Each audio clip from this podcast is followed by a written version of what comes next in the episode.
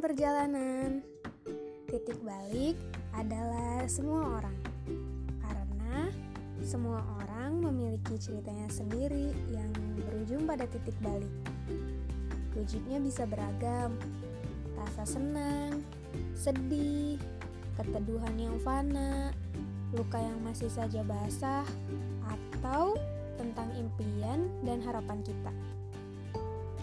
Nafas dulu yuk. Sini ikut duduk. Kalian bisa siapkan secangkir kopi atau teh hangat, kemudian rapatkan lingkaran ya. Aku akan menceritakan kisah tentang titik balikku. Bagaimana dengan kalian? Siap untuk nostalgia?